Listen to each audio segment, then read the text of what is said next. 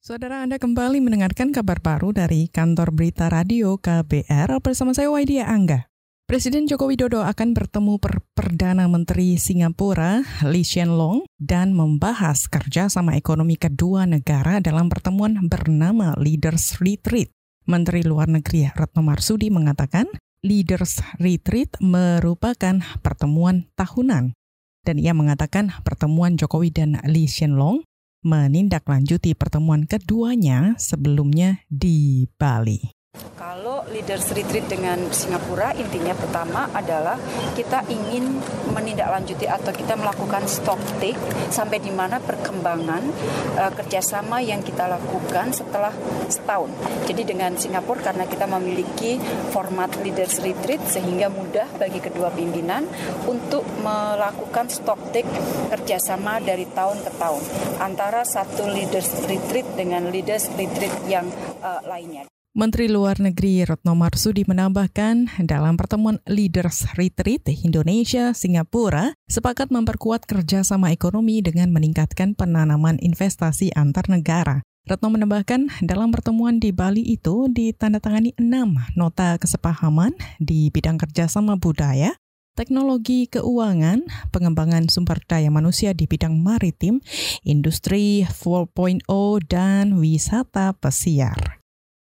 DPR menargetkan pembentukan alat kelengkapan Dewan rampung pekan depan. Ketua DPR Puan Maharani menyatakan tinggal beberapa hari lagi yang perlu disepakati seluruh pimpinan fraksi untuk bermusyawarah mufakat menentukan pos-pos dan kursi pimpinan di masing-masing komisi. Puan memastikan pembentukan alat kelengkapan dewan itu selesai paling lambat sebelum pelantikan Presiden 20 Oktober mendatang. Beberapa hal sudah disepakati, beberapa hal lagi saya meminta kepada seluruh pimpinan fraksi untuk melakukan musyawarah dan mufakat terkait hal-hal yang memang harus dilakukan. Prinsipnya adalah kita harus menjaga harmonitas yang ada di DPR. Ya, kalau bisa minggu ini, minggu ini. Kalau belum bisa minggu ini, minggu depan masih ada waktu. Ya targetnya sebelum pelantikan Presiden tanggal 20.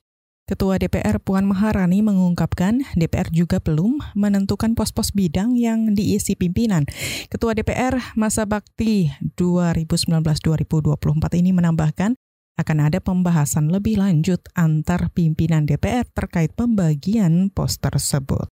Pembentukan organisasi baru di TNI yaitu Komando Gabungan Wilayah Pertahanan atau Kogab Wilhan bisa menyelesaikan masalah surplus perwira Menurut pengamat pertahanan Indonesia yang juga bekas sekretaris Kabinet Indonesia 2014-2015 Andi Wijayanto, organisasi baru ini tidak hanya memperkuat pertahanan, tapi juga mencegah masuknya anggota TNI ke ranah publik yang tidak sejalan.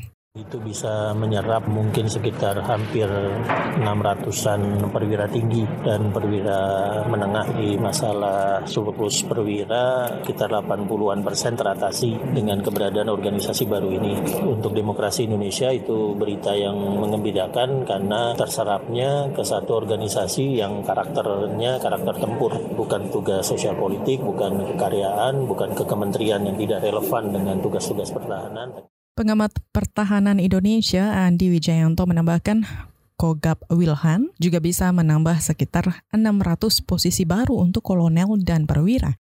Andi menyebut pembuatan Kogab Wilhan bukan hal baru karena pada 2014 Presiden Jokowi telah mengeluarkan Perpres untuk pembentukan organisasi tersebut dan diperbaharui pada Perpres 2019.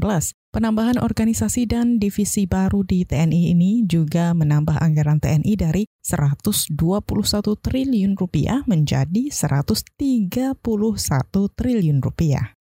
Saudara demikian kabar baru dari KBR saya Waidia Angga.